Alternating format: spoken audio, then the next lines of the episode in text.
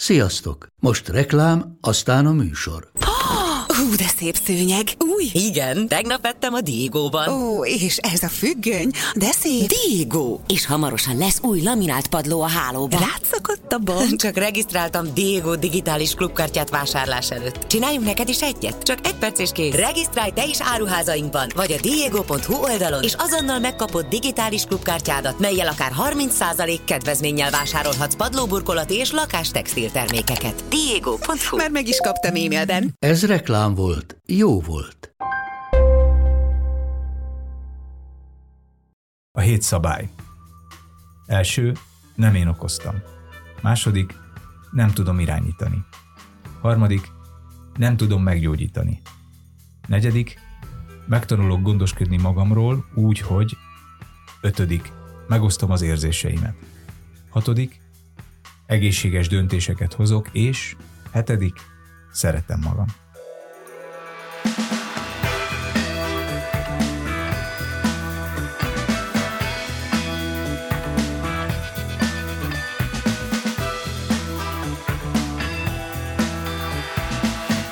Sok szeretettel köszönjük a kedves hallgatókat itt a Törzsd velünk című függőség podcastben. Állandó utitársam a függőségek világában Hoffman Kataszak pszichológus, Dése Nikő sajnos ma nem tud velünk lenni. Mai vendégünk pedig nem más, mint Kormos Piroska, a Magyar Máltai Szeretett Szolgálat fogadó pszichoszociális szolgálatának munkatársa. Hú, de sok itt a szolgálat szó, és tulajdonképpen Piroska élete is semmi másról nem szól, hanem magáról a szolgálatról.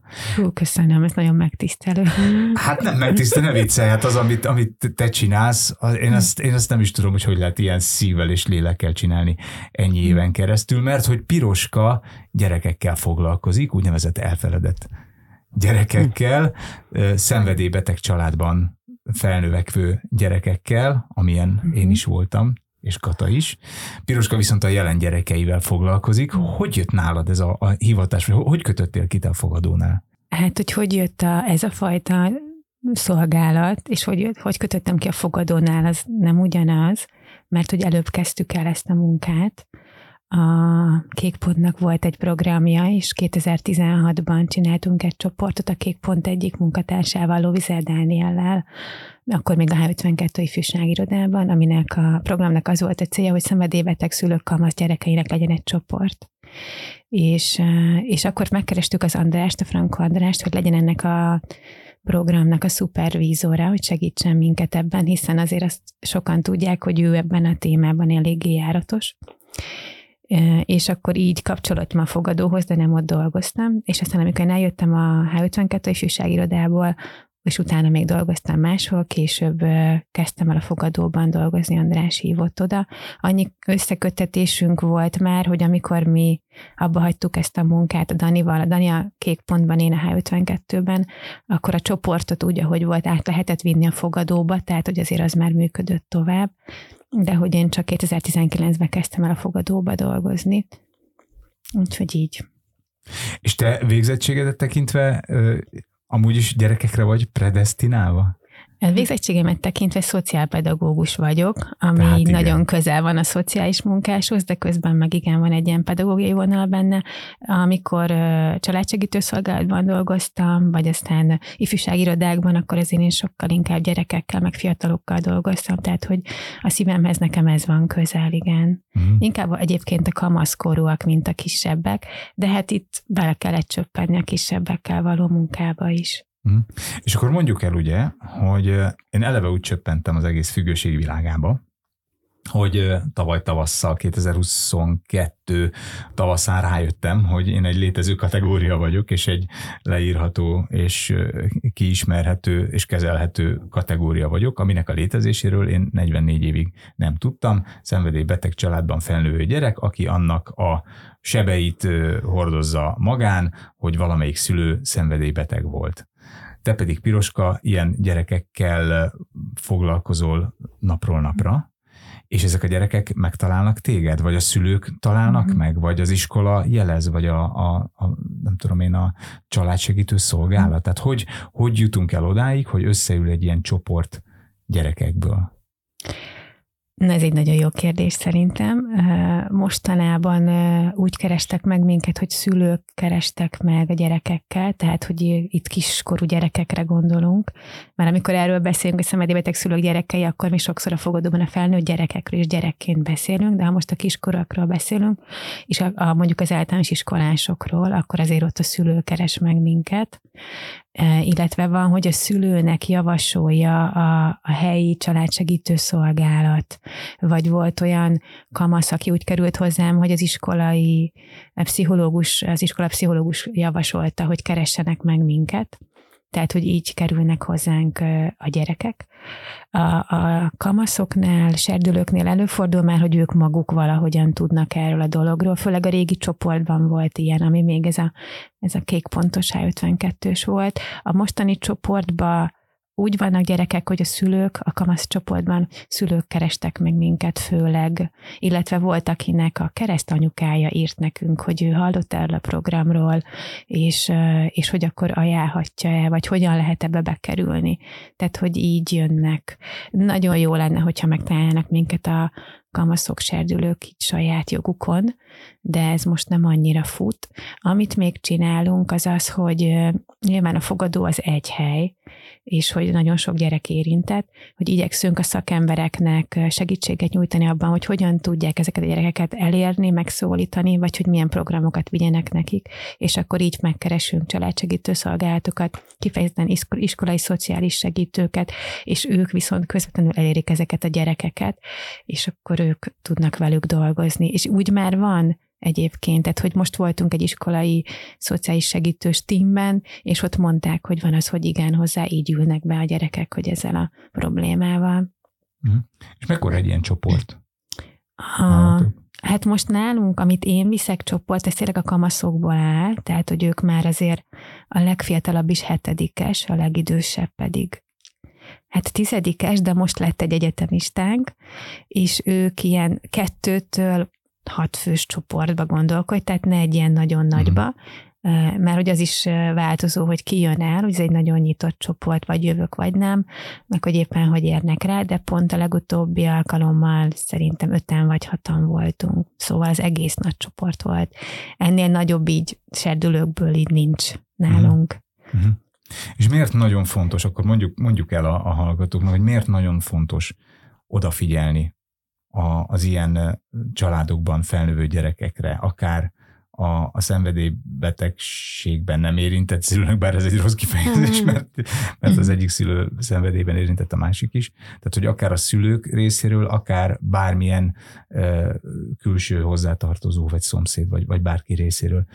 Hát én onnan kezdeném, hogy minden gyereknek fontos, hogy figyeljenek rá, viszont a szenvedélybeteg családban felnövő gyerekek nem kapják meg, vagy kevesebbet kapnak ebből a figyelemből, amire szükségük van, hiszen ahhoz, hogy egy gyerek fejlődjön, hogy egészségesé váljon, ahhoz kell a fizikai ellátása mellett az, hogy a lelke is kapjon támogatást. És egy ilyen családban lehet, hogy nem kapja meg, vagy kevesebbet kap meg, ami nagyon jellemző egy szenvedélybeteg családban, hogy a gyerekek érzelmileg nem tudják elérni a szüleiket, nem tudnak hozzájuk kapcsolódni, vagy vagy időszakosan. Tehát amikor a szülő józan, akkor lehet, hogy elérhető, de amikor szerhatása alatt van, ami lehet az alkohol, de lehet a gyógyszer, vagy lehet akár a játékszenvedély is, tehát tök sok minden, akkor nem lehet hozzá úgy kapcsolódni. Nagyon sokféleképpen élhetik meg ezt a gyerekek, de a lényeg az az, hogy, hogy más ilyenkor a szülő és nem tudok hozzá kapcsolódni, és akkor ez bizonytalanná tesz. Tehát ami egy szenvedélybeteg családban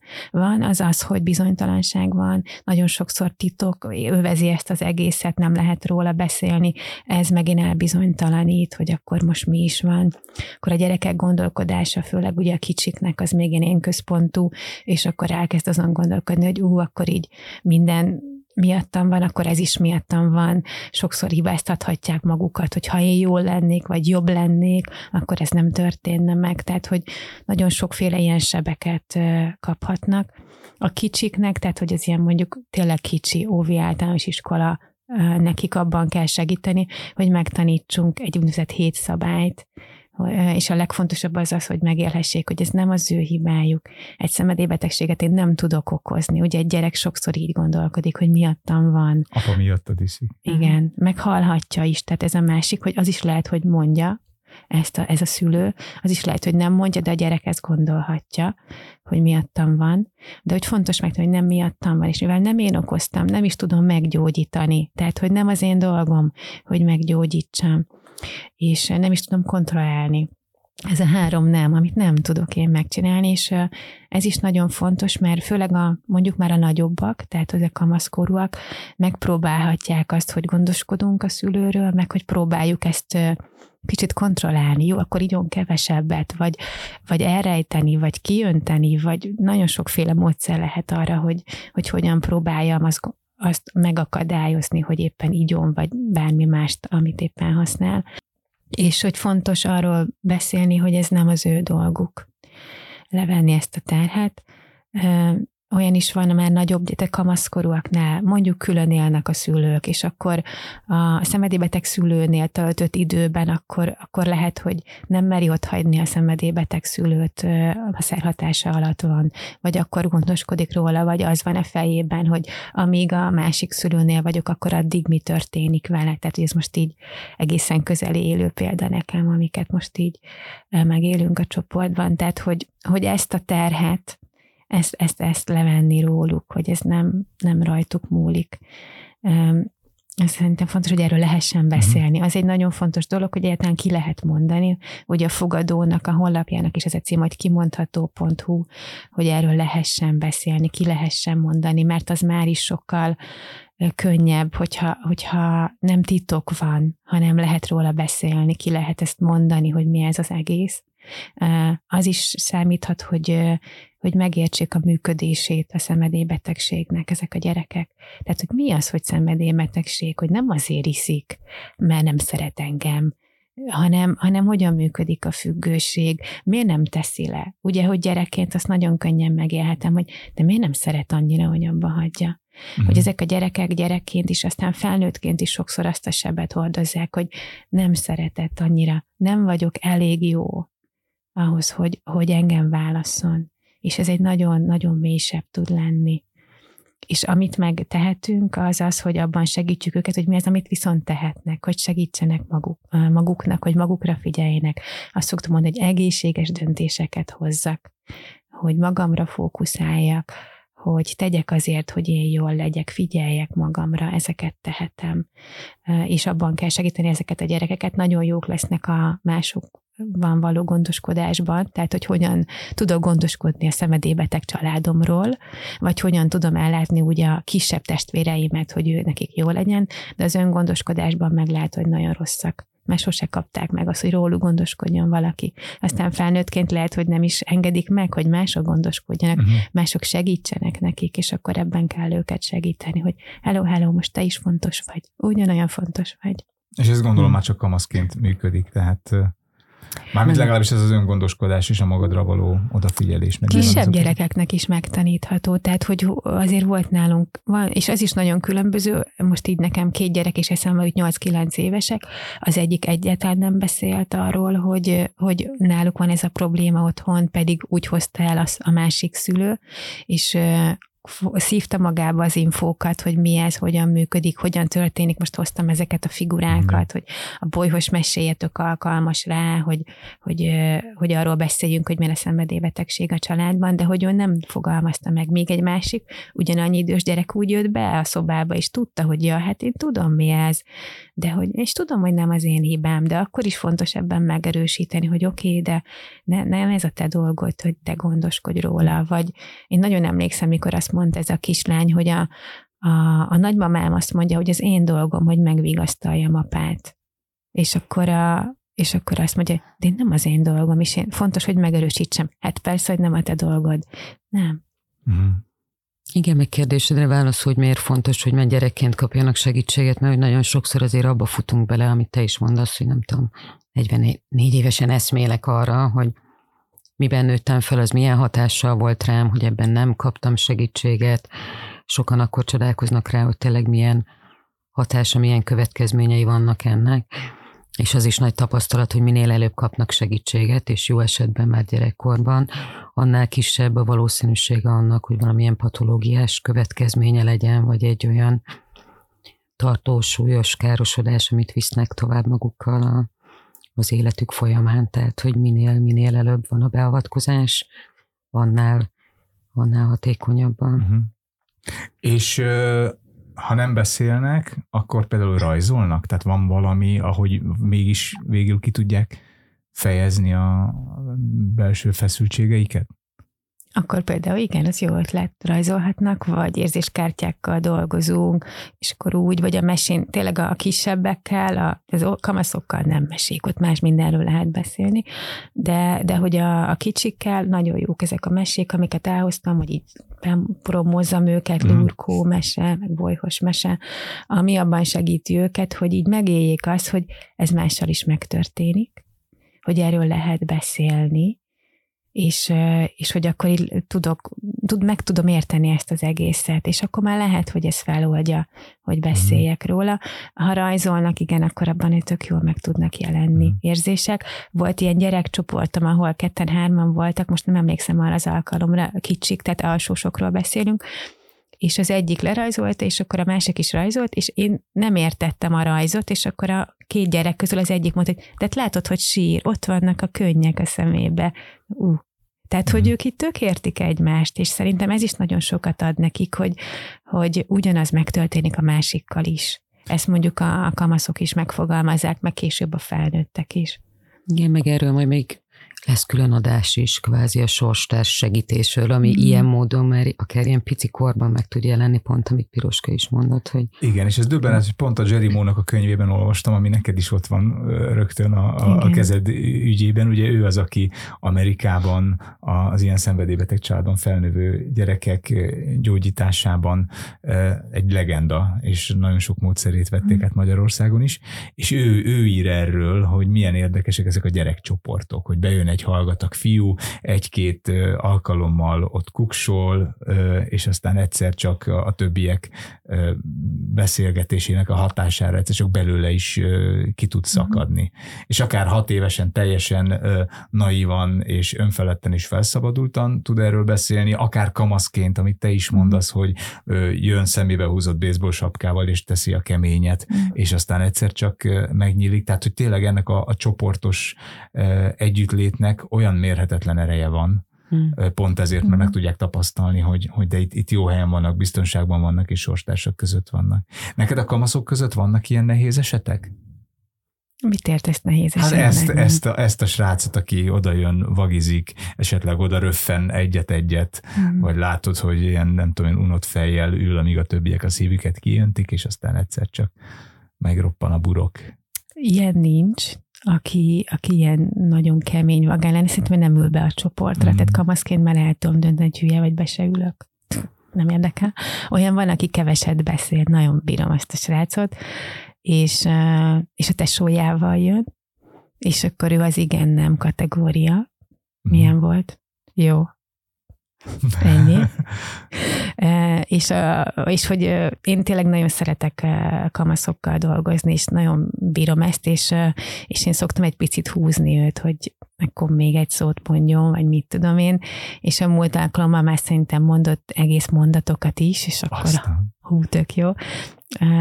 De hogy hogy alapvetően egyébként is különbözőek vagyunk, tehát felnőttként is, meg kamaszként is nem kell ahhoz szenvedélybeteg családban felnővi, hogy én sokat beszéljek, vagy keveset beszéljek, vagy nyitottabb legyek, mm. vagy zárkózottabb én azt látom, hogy nekem is fontos az ő visszajelzésük, és néha egy bizonytalan vagyok, hogy most így a mai napon mit vittek el, vagy és akkor ők így elmondják, hogy ja, jó volt, ja, igen, ez tetszett, és akkor ennyi. Tehát, hogy nem kell ennél mm. hosszabban, mert ők nem mm. biztos, hogy ennél hosszabban fognak mondani. Ami fontos szerintem egy gyerekcsoportnál és a kamaszcsoportnál is, az az, hogy kell, hogy ott legyen valami, ami finom tehát ha mesél nem, azért jöjjön vissza, mert van keks, vagy van tea, vagy valami. Tehát, hogy, Ó, ez, az hogy ez egy, igen, igen, tehát, hogy, hogy ez, tehát gyerekekkel dolgozva szerintem tök fontos, hogyha, a, mert, mert hogy az egy ilyen konkrét dolog, azt meg lehet enni, azért be lehet jönni. Amikor gyerekcsoport kisebbekkel voltam, akkor úgy csináltam, hogy az elején csináltuk játékot, aztán valami feladat volt, amihez le kellett ülni, és akkor oda raktam a kekszet. Ez egy jó csali, mert akkor tényleg leültek, lehetett közben rajzolni, megcsinálni a feladatot, közben enni, tehát hogy ez kicsit oldotta és akkor így, így meg lehetett csinálni. Mm. De igazából nagyon nehéz, most nekem nincs, nincs. Meg egy meg talán, hogyha van ilyen nehezebb, nehezebben megközelíthető eset, vagy akinél mondjuk úgy érzed, hogy na, lehet, hogy nem ment be semmi, vagy nem tudom. Mm. Sokszor azt látjuk, hogy nem is biztos, hogy az itt és mostban uh-huh. fog működni, hanem már ha azt meg tudtad adni, hogy majd később, ha uh-huh. két hónap múlva, fél év múlva, két év múlva, valamikor, amikor ő ott tart, hogy tényleg nyisson, vagy akar erről beszélni, akkor már tudja, hogy hol van az a biztonságos tér, ki az a, melyik az a közeg, ki az a szakember, hova lehet fordulni, amikor én már készen vagyok erre. Uh-huh. Tehát, hogy ezt sokszor látjuk, hogy nem biztos, hogy ott érik be rögtön a, a, a munka gyümölcse, de hogy, hogy ő neki már van egy tapasztalat arról, hogyha ha uh-huh. akar, akkor van hova fordulni, és, és sokan tényleg van, hogy később jönnek vissza, uh-huh. vagy nekem legalábbis ez volt a tapasztalatom, hogy fölhív két év múlva, meg nem tudom, a Jerry könyvbe is van uh-huh. ilyen, vagy akár még felnőttként, nem tudom, 20 x év múlva is rá telefonált a Jerryre, hogy ő még emlékszik, hogy milyen volt ott lenni oh, kicsinek, szóval. Igen, erre én nekem is van most, tehát olyan fiú, aki most egyetemista, és azt mondta, hogy kamaszként volt a, egyébként a kék pontban, tehát nem is nálunk, és akkor ott így mondtak neki infókat, azt mondta, hogy jó, oké, izé, és aztán most egyetemistaként kezdett el újra segítséget kérni, tehát, hogy van egy ilyen, hogy volt egy input, elmondták, hogy itt lehet segítséget kérni, azt így valahogy elment nála, de hogy most akkor most kér, és most tud vele dolgozni, és van egy ilyen lányom is, akivel dolgoztam fél évet, akkor elengedtük egymást, és aztán most visszatért, és ő még most is 16, tehát még most uh-huh. is mhm. bőven kamasz. Uh-huh. És uh, ugye ott vannak a csoportban, beszélnek, foglalkoznak a témával, vagy csak hallgatják a másikat, megkönnyebbülnek, vannak nagy felismeréseik, de aztán ebből mit tudnak hazavinni? Illetve, hogy a cél az az, hogy ez otthon is valahogy virágzásnak induljon, és változásokat indítson be, vagy csupán az, hogy őket megvédje otthon. Tehát visszamegy ugyanabba a közegbe, ahol ugyanazok a dinamikák, játszmák folytatódnak továbbra is, esetleg azt mondják, hogy tiszta hülye vagy, amióta oda jársz, mert gondolom ilyen is van, és, és mit tud otthon változni? Egyáltalán a gyerek lelke elég erőse ahhoz, hogy, hogy kibírja-e otthon azokkal a patronokkal, amiket tőletek kap? Szerintem a gyerekek erősek, tehát ők túl, úgy, így is úgy is túl fogják élni. Egyszerűen uh-huh. túl kell élni, ők, erre mennek, túl kell élni.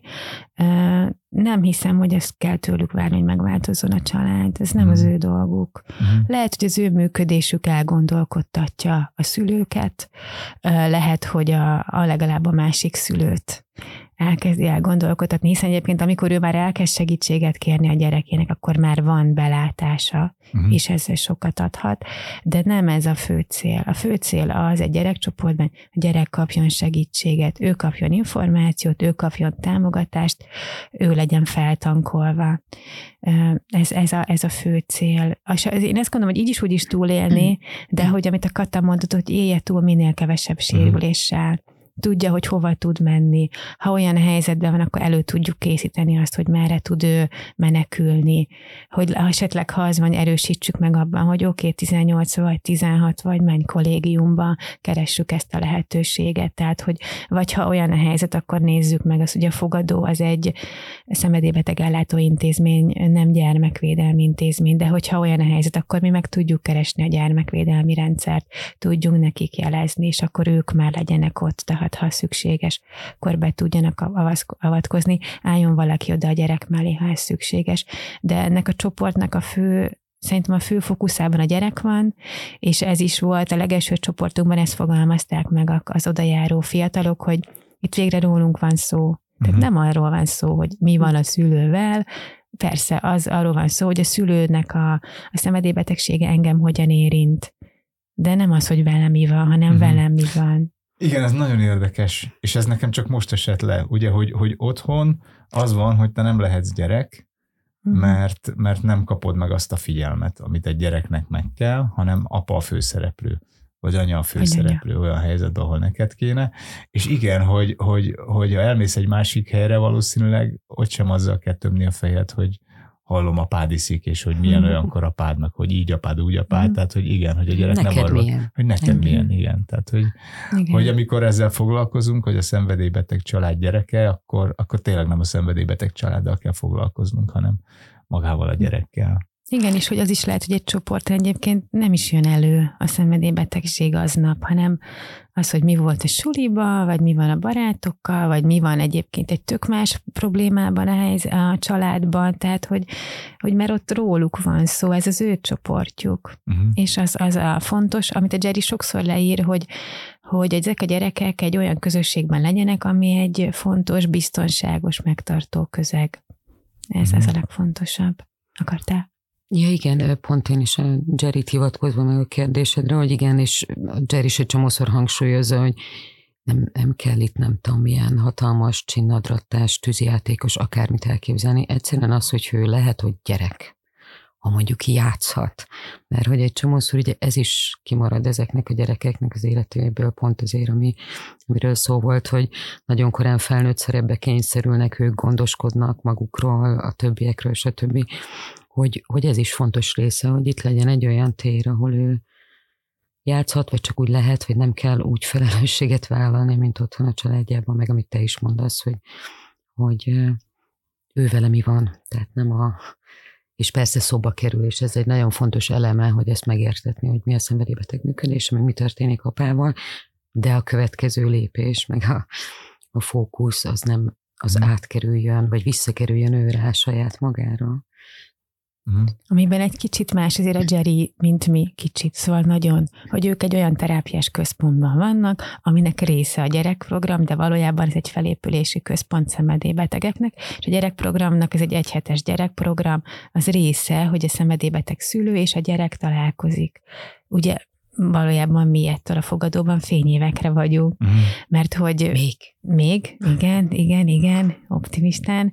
Szóval, hogy persze ez a cél, hogy egyszer legyen egy ilyen, de hogy most még csak a gyerekeknek abban tudjuk segíteni, hogy ők jól legyenek.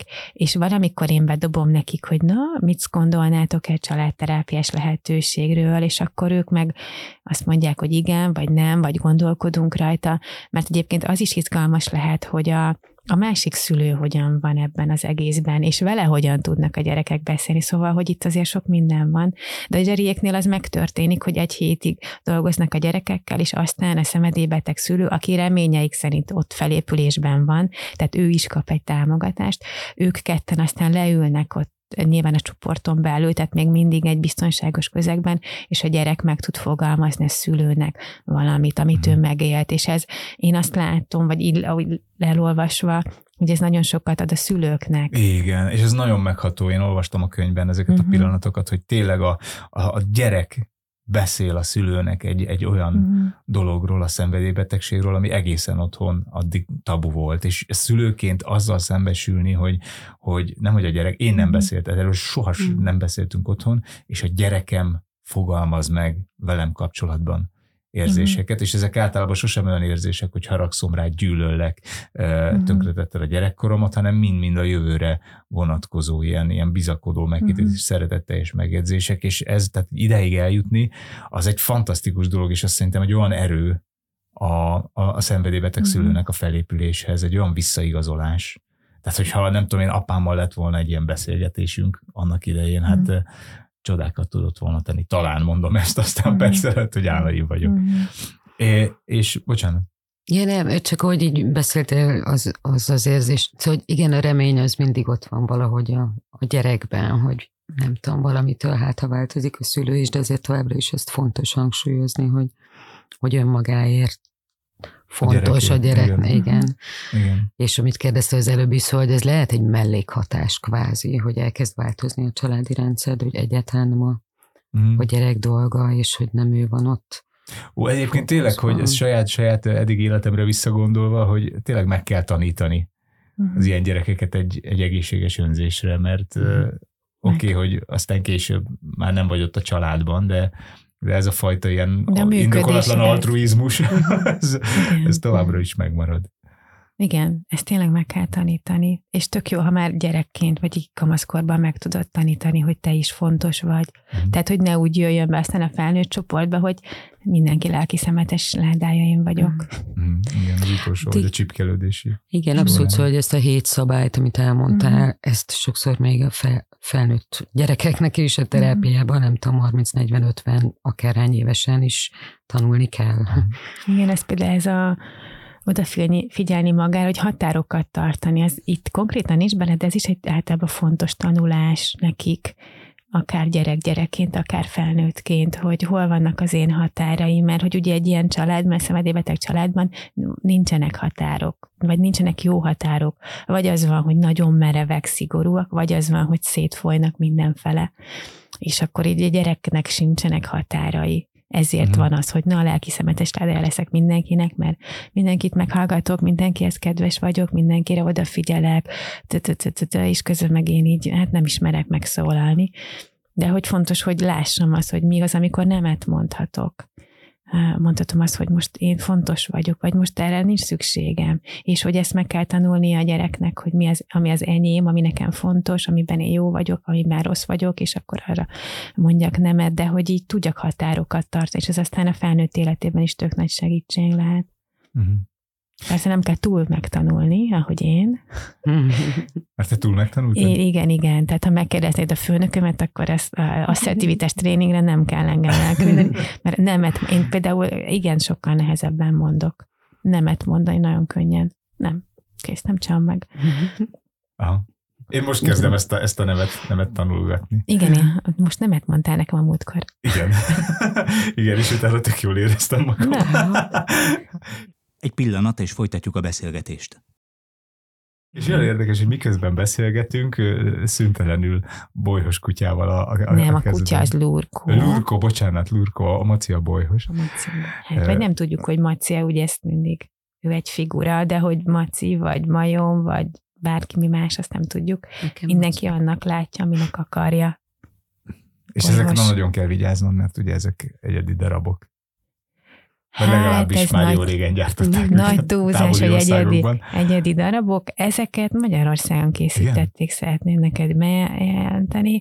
Mind a kettőjüket Magyarországon varták össze, és Magyarországról származnak, de a, ő svájci ötlet, ő pedig egy osztrák ötlet, de hogy Magyarországon varták őket, úgyhogy nagyon büszkék vagyunk rájuk, és van belőlük jobb, jóval több, nem csak ez a kettő, de ők az enyémek.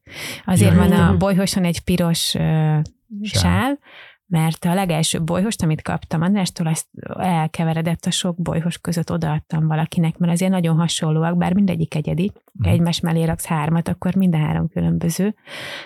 És azóta a következő bolyhos kapott egy sálat, hogy innentől megjelöltem, és mindenhova hurcolom magammal, és lefotózom, és a többi. Mhm.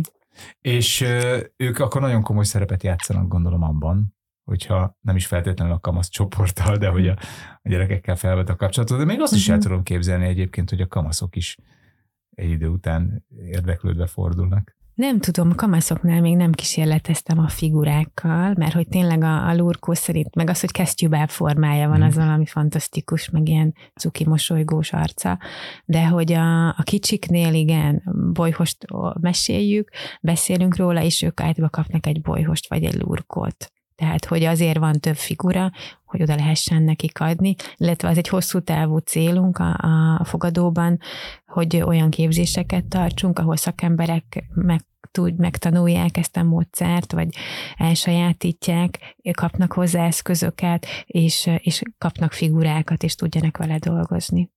És ez a szakemberképzés egyébként egész hatékony, mert amikor voltam a, az egy konferencián, az elfedett gyermekek konferencián ősszel, ott ugye az egyik szakember arról számolt be, Hm. hogy Nyíregyháza mellett a, a, a bokrokban, tehát hogy tényleg a, a, a, a tanyavilágban milyen, Igen. milyen missziót tudnak betelj, beteljesíteni, és nem csak arról van szó, hogy a, nem tudom én, a fővárosi alkoholisták gyerekei odabuszoznak Mhm. a, a, a Kék Golyó utcába, hanem, hanem szépen ők kimennek terepre Igen. Szabolcs-Szatmár-Bereg megyében, és ott tudnak összegyűjteni e, csoportra való gyerekeket, és, és ők is ugyanígy beszélnek, rajzolnak a, a kicsitől a nagyig.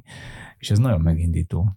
Igen, a Tőkés Tibor dolgozik ezzel a programmal, meg még többen is dolgoznak a ilyen felzárkózó települések programban, ahova kimennek a gyerekekhez, és ilyen foglalkozásokat tartanak, viszik a figurákat, viszik a témát, igen, mm. és, és azon a konferencián is sok jó dolgot mondott, hogy mi mindent tapasztalt már a gyerekektől. Mm.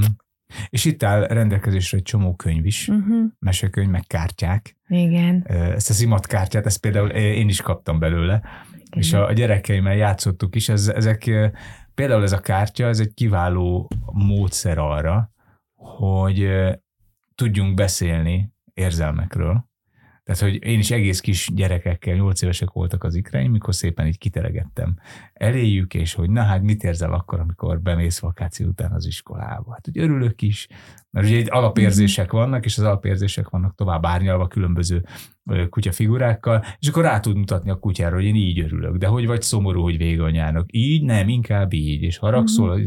és hogy, hogy, hogy olyan jó, hogy saját maguknak is fel tudják térképezni az érzelmeiket. Igen, és ugye ez azért fontos egy szenvedélybeteg családnál, mert hogy nagyon sokszor ott ne, vagy nem beszélünk az érzésekről, vagy nem jó visszajelzést, tehát nem megfelelő visszajelzéseket kapnak a gyerekek az érzéseikre, és akkor sokszor az lesz a reakció, hogy inkább nem érzek, Igen. nem érzem az érzéseimet, és ebben segíthetünk nekik, és például ez is egy olyan dolog, amit ha már gyerekkorban elkezdünk segíteni, hogy, hogy meg, meg felismerd az érzéseidet, hogy meg tud fogalmazni őket, és hogy jogod van ezeket érezni, akkor az már egy nagyon nagy for azokkal szemben, akik meg ezt csak felnőttként kezdik el csinálni, és hogy ezért hoztam be, igen, mert gyerekekkel tök jól használható. Egyébként sokféle érzéskártya van, nyilván én a máltásat hoztam be, mhm.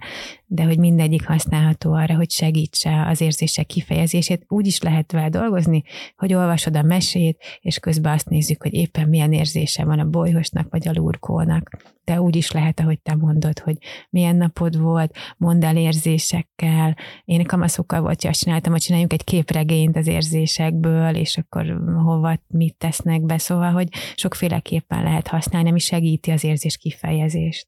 Uh-huh.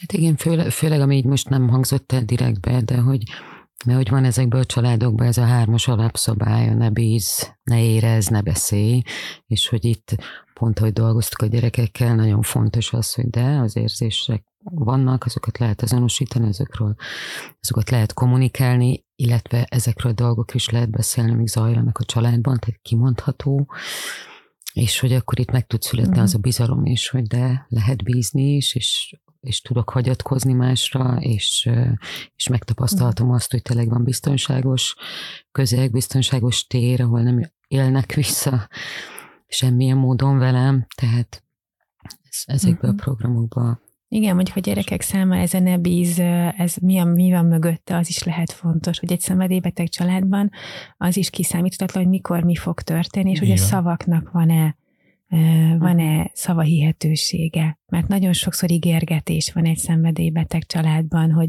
majd holnap abba hagyom, vagy soha többet nem esek vissza, vagy ez nem fordul többet elő. Ez az egyik, a másik meg az, hogy megkapod ezt, vagy megkapod azt, vagy nem tudom mi, és hogy ezek így feledésbe merülnek a szenvedélybeteg részéről és most nem az ő rosszaságára utalunk, uh-huh. hanem egyszerűen a betegségével ez jár, hogy tagadja a betegségét, meg ígérget össze-vissza, de a gyerek ebből azt éli meg, hogy így nem lehet elhinni, amit mond. És ha nem lehet elhinni, amit mond, ha nem, nem lehet bízni benne, akkor inkább nem bízok senkiben. Igen, vagy éppen most melyik apa van itt? Uh-huh. Uh-huh. A jó fejapa, a mérges apa, a morcos apa, az Igen. agresszív apa, a, a tompa uh-huh. apa. Uh-huh és anyából ugyanígy, hogy most ez elérhető az anya, vagy nem, vagy a viselkedés az mit is jelent, hogy most vidám, de ú, túl vidám, vagy ez a vidámság oké, de nem mi hajnali kettőkor, mm. akkor ez így valami furcsa. Aztán utána jön egy ilyen hullámzás, hogy akkor most már így elérhetetlen, csak így fekszik a kanapén, vagy ki tudja hol, vagy nekem kell érte menni, szóval mm. így sok mm. ilyen van. Hát igen, meg talán, mert itt mondtad, hogy apa is, meg anya is, tehát nyilván mind a kettő lehet szenvedélybeteg uh-huh. is, meg hogy, hogy tényleg az is nagyon nem mindegy, hogy a, a másik szülő hogyan reagál, mert hogy ugye gyakran azért ezekben a családokban van egy intézményesített tagadás, és hogy sokszor nem csak a szenvedélybeteg szülő nem hozzáférhető a gyerek számára, hanem a másik szülő sem, vagy ő vele sem lehet erről beszélni. Talán az egyik mesekönyvben is pont ez van. Igen, hogy a bolyhosban úgy van, hogy ott az, ott az apa hiszik, és az a bolyhos megfogalmaz ezt, hogy nem értem, mi történik apával, mit is csináljak, megkérdezem anyát. És akkor oda megy anyához, aki azt mondja, hogy hát így, apa most kicsit rossz kedvű, ne foglalkozz vele, nekem megmosogatnom kell, menj visszajátszani. És hogy ez a konkrét megfogalmazása annak, hogy érzelmileg elérhetetlen az anya. Uh-huh. Mert hogy az anya nem odafigyel rám, nyilván neki is megvan a saját baja, meg biztos el is kell mosogatni, de hogy közben meg az lenne a fontos, hogy, hogy a gyerek számára, vagy itt ugye a bolyhos számára egyszerűen valaki meghallgassa az ő félelmeit, válaszoljon rá, figyelje rá, megölelgesse, és ne azt mondja, tehát az nagyon fontos, mind a két mesénél az van, hogy nincs happy end. Tehát nem az a vége, hogy és bolyhos apukája többet nem iszik, és lurkó gazdája aztán meggyógyult, hanem az a vége, hogy mind a két szereplő talál segítséget. És hogy mi történik a szenvedélybeteggel, azt nem tudjuk. És hogy ez mindig kérdés, hogy de miért nincsen jó vége? Hát azért nincs jó vége, mert nem ígérhetem meg a gyereknek, hogy na most akkor innentől minden szuper jó lesz, hanem azt tudom neki mondani, hogy neked kell segítséget találni, ugye megint magadra kell figyelni, és az a jó vége, hogy te már tudsz valahova fordulni. Mm. És hogy mi történik a szenvedélybeteggel, azt nem tudjuk, nem, nem, tényleg nem tudjuk, és, és nem is ígérhetem meg, hogy minden jól lesz. Mert nem, nem tudom megígérni, és nem akarom ezt hazudni neked. Elegen hazudtak már neked. Mm. És ez, ez nem egy kurzus. Tehát aki, aki hozzátok jön hmm. ilyen csoportos foglalkozásokra, az nem egy x hetes tanfolyamon vesz részt, ami után kap egy papírt és hmm. elsajátít egy skillt, hanem ez egy folyamatos jelenlét, ugye? Ez egy tök jó kérdés, mert igen, a, a kamasz csoport úgy működik, hogy egy nyitott csoport folyamatosan lehet belejönni, ö, ott vagyunk.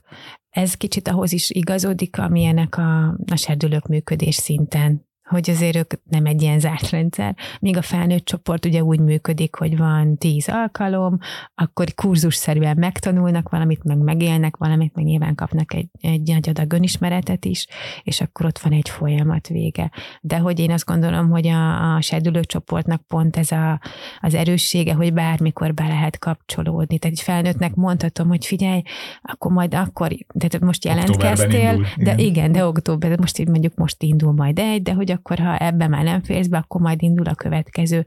Na de egy gyereknek ezt nem fogod mondani, hát figyelj, most így majd fél év múlva. Ugyanakkor pont most olvastam a Jerry's könyvben egy ilyet, hogy a Jerry győzködik, hogy hát így szivárvány van, és azt mondja, hogy de nem, nem, most feladat van, az érzésekről kell beszélni, és akkor az a vége egy kislány azt mondja, hogy de Jerry, hát évek óta visszatartom az érzéseimet, ez a tíz perc már nem számít. Na de hogy tíz perc oké, okay, de a hónapokra nem toljuk Igen. el, illetve hogy a gyerekeknél, meg a kicsiknél most éppen van egy gyerekcsoportunk, amit gyermekdráma vezetők csinálnak, amin egy ilyen kísérlet kísérleti jelleg is, és hogy én nagyon örülök neki, hogy ők ezt most így felvállalták és csinálják, és, és tök jól dolgoznak ezzel a témával, és ők is úgy viszont ilyen kurzusokban dolgoznak, hogy akkor öt alkalom, következő öt alkalom, következő öt alkalom, tehát annak van egy ilyen zárt rendszer, ugyanakkor be lehet kapcsolódni, mikor lemegy egy-egy ilyen folyamat. Mm. És te mit javasolsz azoknak, akik hmm, tehát akik, akik nem, a, nem a csoportot választják, hallgatják ezt a podcastet, de még mindig azt mondják, hogy hát az egy túl, túl erős szembesülés lenne, vagy a problémának az elismerése, vagy mekkora szégyen lenne, ha a gyerek úristen csoportba járna, hogy, hogy mit tehetnek mégis azok a, a szülők, szülőknek? vagy hozzátartozók. Tehát, hogyha mondjuk van egy, van egy nagybácsi, uh-huh. vagy mhm. egy szomszéd, vagy egy családi barát, hogy ő, ő, ő, ő miben tud segíteni, uh-huh ha már egyszer azt nem teheti meg, hogy fogja a gyereket, kiragadja és mm. elviszi csoportba. Hát az egyik dolog az az, hogy egyes sose csináljuk, a gyereket elvisszük egy kamaszt a csoportba. Egy kisebbet lehet, de egy kamaszt, hát akkor, akkor az lesz, hogy beülök, behúzom a baseball sapkát, és felteszem a lábamat de hogy egy kicsit azért el lehet hozni, meg tudom én, de azt, amit mindenképpen lehet mondani, már 8 éves kortól van egy honlapunk, apaiszik.kimondható.hu, anyaiszik.kimondható.hu, tehát mind a két szóra ugyanaz jön be, amin már meg lehet nézni egy csomó mindent, helyből úgy van, hogy 8-13 évesekre, meg kicsit idősebbekre, kicsit másképp épül fel, tehát ezt mindenképpen tudom mondani, hogy ezt lehet mondani egy gyereknek, hogy ezt meg tudod nézni, mert ma már a gyerekeknek van telefonjuk, úgyis megnézik, rá tudnak kattintani. Ott tök sok információ van gyereknyelven, ezt tudom nekik mondani. Ha én egy hozzátartozó vagyok, de mondjuk nem Budapesten élek, és nem tudom elvinni egy csoportba, akkor azt tudom mondani, hogy legyek ott a gyereknek, mint biztonságos személy. Ugye a Jerryek így is hívják ezt, vagy hát így fordítottuk le ezt a safe person hogy biztonságos ember, akihez kapcsolódhat a gyerek, aki nem kell mindig ott lennem, de ha ott vagyok, akkor, akkor tudjon hozzám kapcsolódni, tudjon bennem bízni, tudjak vele foglalkozni, és lehessen mellettem gyerek, amit Kata megfogalmazott. Tehát ezeknek a gyerekeknek van, hogy nincs lehetőségük gyerekként működni a saját családjukban. De akkor én azt tudom neki adni, hogy ha átjön hozzám, vagy találkozik az én gyerekeimmel, vagy nem tudom, milyen nexusban vagyok vele, akkor ott nálam lehet gyerek, vagy én el tudom vinni. Tehát, hogy az is segít egy ilyen gyereknek, hogyha ebből a 0-24-ből kap egy órát, vagy kap egy napot, vagy kap egy hetet nyáron, amikor ő, ő kikapcsolhat ebből, és ott lehet gyerek, és azt is kell tudnom, hogy idő kell neki. Tehát, hogy mit tudom, nekünk most van egy nagyszülő pár, akiknél az van, hogy a, az ő lányuk iszik, és az unokáknak úgy tudnak segíteni, hogy, hogy amikor náluk vannak az unokák, akkor ott újra lehetnek gyerekek, és azt tapasztalják, amit egyébként mi is mondanánk, hogy idő, míg feloldódnak a gyerekek. Hmm. Tehát, hogy, hogy lehet, hogy ez először részemről egyfajta ilyen odaszánást kíván, hogy megadjam az időt, és elfogadjam, hogy igen, ő még zárkózott, ő még keveset beszél, de az is lehet, hogy tök nyitott. Semmiképpen ne faggassam arra, hogy mi majd otthon, vigyázol rájuk, tehát hogy ez ilyen nagyon mérgező, hogy így a, a gyereknek az a dolga, hallottam ilyet, felnőtt csoportban, hogy akkor a nagyszüleim azt mondták, hogy tőlem várják, hogy akkor az anyámra vigyázzak meg, ez az én dolgom és hogy nem, nem a te dolgod, és nem is ez a, ez a fókusz, hanem az, hogy te hogy vagy, mit csináljunk, mihez van kedved. Nem azt, hogy miben segíthetek, mert lehet, hogy ez egy gyerek nem tud mit kezdeni ezzel a kérdéssel, de adok alternatívákat, ott vagyok számára, elérhető vagyok számára, érzelmileg elérhető vagyok számára. És ugye ez egy kapcsolat, egy hosszabb dolog, és nyilván lássam a saját határaimat, tehát hogy ez is fontos, hogy ne vállaljak olyat, amit nem tudok tenni, de amit meg tudok tenni, azt meg, ha tudom, jó szívvel csináljam meg, legyek ott. Uh-huh. És ezek a kiadványok uh-huh. akkor, amiket, itt, amiket ide elhoztál? Beterítettem itt az asztalt beleértve, velük. A, beleértve az érzelemkártyákat, Igen. meg van még egy nagyszerű kártyajáték, ahogy folytatod, Igen, az... ami nagyobbaknak való, de ugyanígy az érzéseinkről tudunk benne beszélni. Ezek mind-mind elért, elérhetők a Magyar Mátai Szeretett Szolgálatnál. Igen, sőt, könyvesboltban a mesekönyvek, a Lurkó Bolyhos, a gyerekszemmel és a apa piaszt is elhoztam, mint névadót, elérhető. Szimat segít fölvenni. Igen, Szimat is segít. És hoztam még egy könyvet, amit én nagyon szeretek, ez az Elekes Dóra könyve, tehát hogy nem a miénk, és a mhm. könyvesboltban van, a Muter meg a Ginek, amiben azt mondanám, hogy szintén gyerekszemmel látszódik a függőség, nem a mi könyvünk, de nagyon szeretjük, és tök jól lehet vele dolgozni, és annak, aki meg akarja érteni, hogy egy gyereknek a fejében mi van, annak szerintem tökéletes. Hmm. Ö, úgy tudom, hogy olyan is volt már, hogy, hogy az apa ballag, vagy legalábbis egyszer ezt talán Franco András mesélte mm ezt a hmm. történetet, hogy az alkoholista apa ballagott be hozzátok uh-huh. a, a gyerekével. A Dinoszaurusz a nappaliban című könyvnek a... Az apa anyáért jött. Apa anyáért, apa De ő egy fel, az egy felnőtt gyerek volt, igen, hogy, hogy egy felnőtt ember jött be a könyvér, az apa anyapiáért, és, és hogy az, az volt az András tippje, hogy na hát ha az apa van itt, akkor biztos az anya. Hogy, de nyilván ezt nem mondta ki, hanem csak azt mondta, hogy jó, hát akkor így nehéz lehet önöknek otthon. És akkor azt mondta a férfi, hogy hát én, én vagyok az alkohol, alkoholbeteg, már több éve józan, de még nem tudunk a, a lányommal erről beszélni, és talán ez a könyv segít majd, és a lányom küldött el ezért a könyvér. Mm. Tehát, hogy ez a, ez a történet, tehát, hogy az is lehet, igen, egy ilyen út, hogy, hogy így tudunk kapcsolódni. Nekem mondjuk olyan történetem van pont a Dinoszaurusz a nappaliban könyv kapcsán, hogy ez a kamaszlány, aki, akivel egyéniben dolgozok, ő neki mondtam, hogy hát így olvassa el, is már 16 éves mindjárt, és igazából a mi pszichiáterünk, a dr. Schmidt Judit mondta, hogy az ő kamasz gyerek elolvasta a könyvet, és azt mondta, hogy jó, és akkor azt éreztem, hogy na akkor, akkor kamaszoknak már odaadható, nyilván érintett kamaszoknak, és így mondtam ennek a lánynak, hogy olvassa el, aki viszont továbbadta, vagy javasolta a nagynényének ennek a lánynak az anyukája iszik, tehát az anyukája testvérének. És akkor ennek kapcsán ők tudtak beszélgetni erről a témáról, és ez egy tök érdekes át, áttörés volt, hogy ők úgy kezdtek el beszélgetni, hogy volt egy közös olvasmányuk erről az egészről, és aztán ez a lány megfogalmazott sok mindent a könyvvel kapcsolatban, szóval, hogy ez is lehet egy út, igen. Nyilván ez nagyobbaknak szól. Uh-huh. Mindenki megtalálja tehát a neki megfelelő olvasmány, a kicsik a, a Lurko és a Bolyhos mesekönyvekkel, a, a nagyobbaknak ezt az apa-anya-pia könyvet ajánlom, ami nagyon jól és átfogóan, de mégis röviden foglalja össze mindazokat a problémákat, amikkel egy szenvedélybeteg családban felnővő vagy felnőtt gyereknek meg kell küzdenie. A kimondható.hu-n fordulhattok Kormos Piroskáékhoz, és ott találtok mindenféle információt a, a csoportokról, aki személyesen szeretné felvenni a kapcsolatot, és hogy ezeknek a gyerekeknek hogy folytatódik az életútja, milyen felnőttek lesznek belőlük, és milyen sebeket cipelnek, illetve ezeket hogyan tudják talentumokká alakítani. Arról Békési Tímeával fogunk beszélgetni néhány adással később, úgyhogy az egykori gyermekek, a mi sorstársaink hallgassák meg azt is, mert nagyon hasznos lesz. Én nagyon szépen köszönöm Kormos Piroskának, Bolyhosnak és Szimatnak is, vagy Lurkónak is, hogy,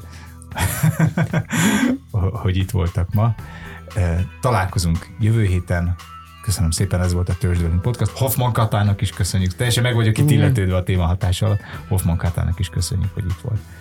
Köszönöm. Én is köszönöm. Sziasztok! Sziasztok! Sziasztok! Az elhangzottakkal kapcsolatos cikkeket, információkat, linkeket megtalálod a kimondható.hu oldalon a Töltsd velünk menüpont alatt. Kommentjeidet a Facebookon, az Instagramon és a Youtube-on várjuk. Töltsd velünk legközelebb is. Szia!